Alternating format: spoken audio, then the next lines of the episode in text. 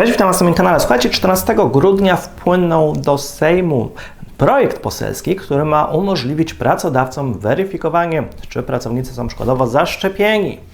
No i proszę Państwa, czy ten projekt ma szansę na przejście, jakie są zapisy? Zapraszam na odcinek, gdzie będziemy to analizowali. Odcinek oczywiście na prośbę widzów.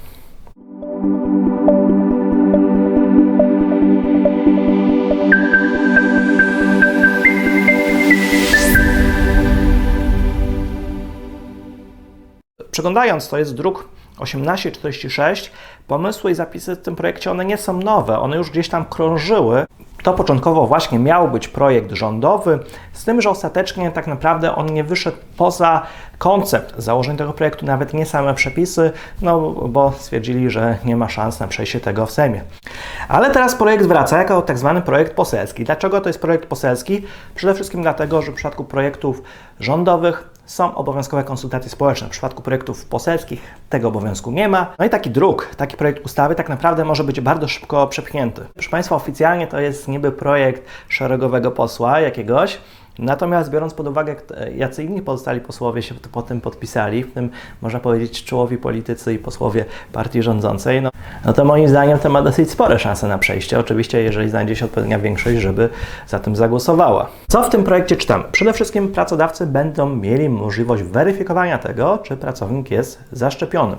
Na dzień dzisiejszy takiej możliwości nie ma. Przypominamy, jakiekolwiek właśnie takie szczepienia przeciwko e, COVID-19 są szczepieniami dobrowolnymi, a pracodawca nie ma prawa zażądać od swojego pracownika takiej informacji, czy ten pracownik zaszczepiony, czy nie. Przypominam, zgodnie z artykułem 51 Konstytucji, nikt nie jest obowiązany inaczej niż na podstawie ustawy do udostępniania swoich danych osobowych, zaś dane medyczne, w tym dane zaszczepieniu należą tzw. Tak danych szczególnej kategorii w rozumieniu artykułu 9 RODO i co zasady ich przetwarzanie jest zabronione. Chyba, że akurat przepisy prawa krajowego na to zwalają. Przepis prawa krajowego Konstytucja wymaga ustawy. Tej ustawy do tej pory to dzisiaj nie ma i na pewno pracodawcy nie są tego upoważnieni do uzyskiwania takich danych czy ich przetwarzania na podstawie kodeksu pracy. Już przypominam, w tym artykule 207 kodeksu pracy jest dosyć ogólne upoważnienie co do dbania o bezpieczeństwo higieny pracy, natomiast jeżeli chodzi o dane osobowe, upoważnienie musi być konkretne i wyraźne i w ustawie. Te testy mają dotyczyć zarówno pracowników, jak i osób, które pozostają w stosunku cywilnoprawnym i właśnie te osoby nie mają nic płacić za te testy. Czyli generalnie to powinno być finansowane w całości albo przez pracodawcę, albo finansowane ze środków publicznych. Liczba testów w danej jednostce czasu ma być określona przez ministra zdrowia. Więc przynajmniej o tym pomyśleli, że przynajmniej nie ma takich zakulisów, w których, żeby najlepiej testować pracowników codziennie albo co godzinę. A biorąc pod uwagę, że jeżeli to miało być faktycznie finansowane z środków publicznych, można byłoby się spodziewać prawdopodobnie innego testu raz na rok. A biorąc pod uwagę, że to ma być finansowane środków publicznych, być może e, okaże się, że będzie możliwy taki jeden bezpłatny teścik na rok. Jak to w przypadku pozostałych świadczeń zdrowotnych. I teraz na podstawie artykułu drugiej tej ustawy w okresie obowiązywania stanu zagrożenia epidemiologicznego bądź stanu epidemii pracodawca będzie miał prawo zażądać od pracownika informacji co do faktu bycia osobą przykład zaszczepioną, czy faktu posiadania statusu ozdrowieńca, Pracodawca będzie mógł także zażądać informacji na ten temat, czy pracownik ma negatywny wynik testu przeciwko SARS-CoV-2 wykonanego nie później niż w terminie 48 godzin od jego okazania. Od okazania tych testów oczywiście będą zwolnieni pracownicy zaszczepieni albo ozdrowieńcy. Pracodawca będzie mógł także zażądać okazania tego wyniku testu, więc to nie będzie jedynie tylko na oświadczenie pracownika.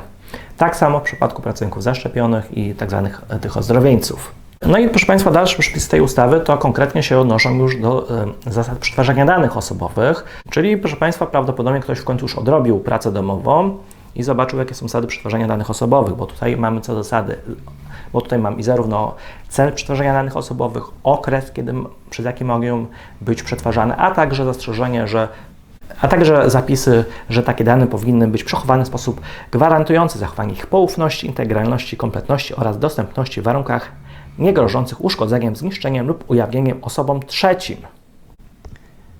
Czyli praktycznie tak, jak powinny być dane przetwarzane zgodnie z RODO. Jeżeli pracownik odmawia udostępnienia informacji na temat faktu zaszczepienia, czy negatywnego wyniku testu, bądź statusu ozdrowieńca, pracodawca ma traktować taką osobę jako osobę niezaszczepioną albo jako osobę, która nie posiada statusu ozdrowieńca.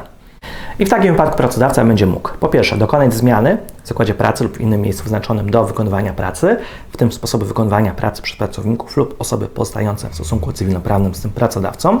Po drugie, dokonać zmian w systemach lub rozkładach czasu pracy pracowników lub osób pozostających w stosunku cywilnoprawnym z tym pracodawcą. Po trzecie, polecić pracownikowi lub osobie pozostającej w stosunku cywilnoprawnym z tym pracodawcą wykonywanie pracy poza miejscem jej wykonywania określonym w umowie w ramach tej samej miejscowości lub powierzyć pracownikowi lub osobie pozostającej w stosunku cywilnoprawnym z pracodawcą innego rodzaju pracy za wynagrodzeniem odpowiadającym rodzajowi pracy nie niższym niż dotychczasowe. Czyli tutaj przede wszystkim mówimy albo będzie mógł e, skierować na tak zwaną pracę zdalną, Oczywiście teraz też może kierować bez podania żadnego powodu, albo do przeniesienia na inne stanowisko z wynagrodzeniem nie niższe niż dotychczasowe. No i proszę Państwa, akurat tutaj będziemy mieć bardzo fajny taki artykuł, trzeci, który akurat odnosi się do e, zakazu dyskryminacji. Otóż konkretnie co tutaj czytamy? Działania, o których właśnie mowa w tym pierwszym artykule,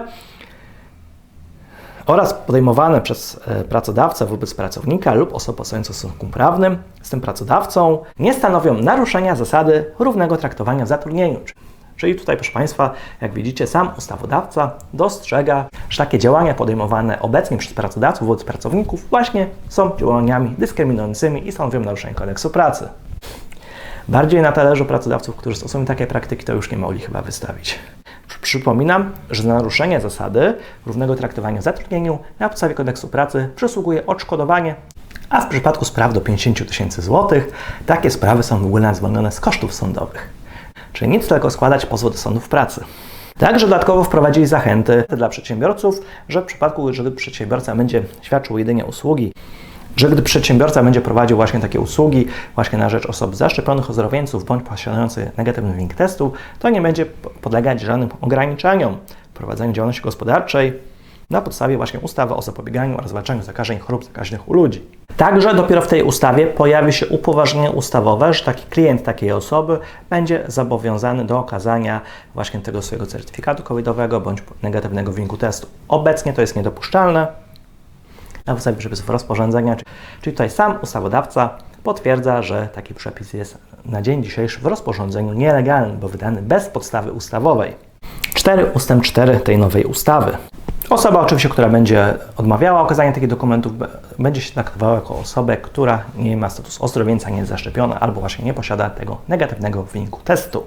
Pracodawca też ma uzyskać dostęp do aplikacji mobilnej, która będzie pozwalała na weryfikowanie takich właśnie certyfikatów covidowych.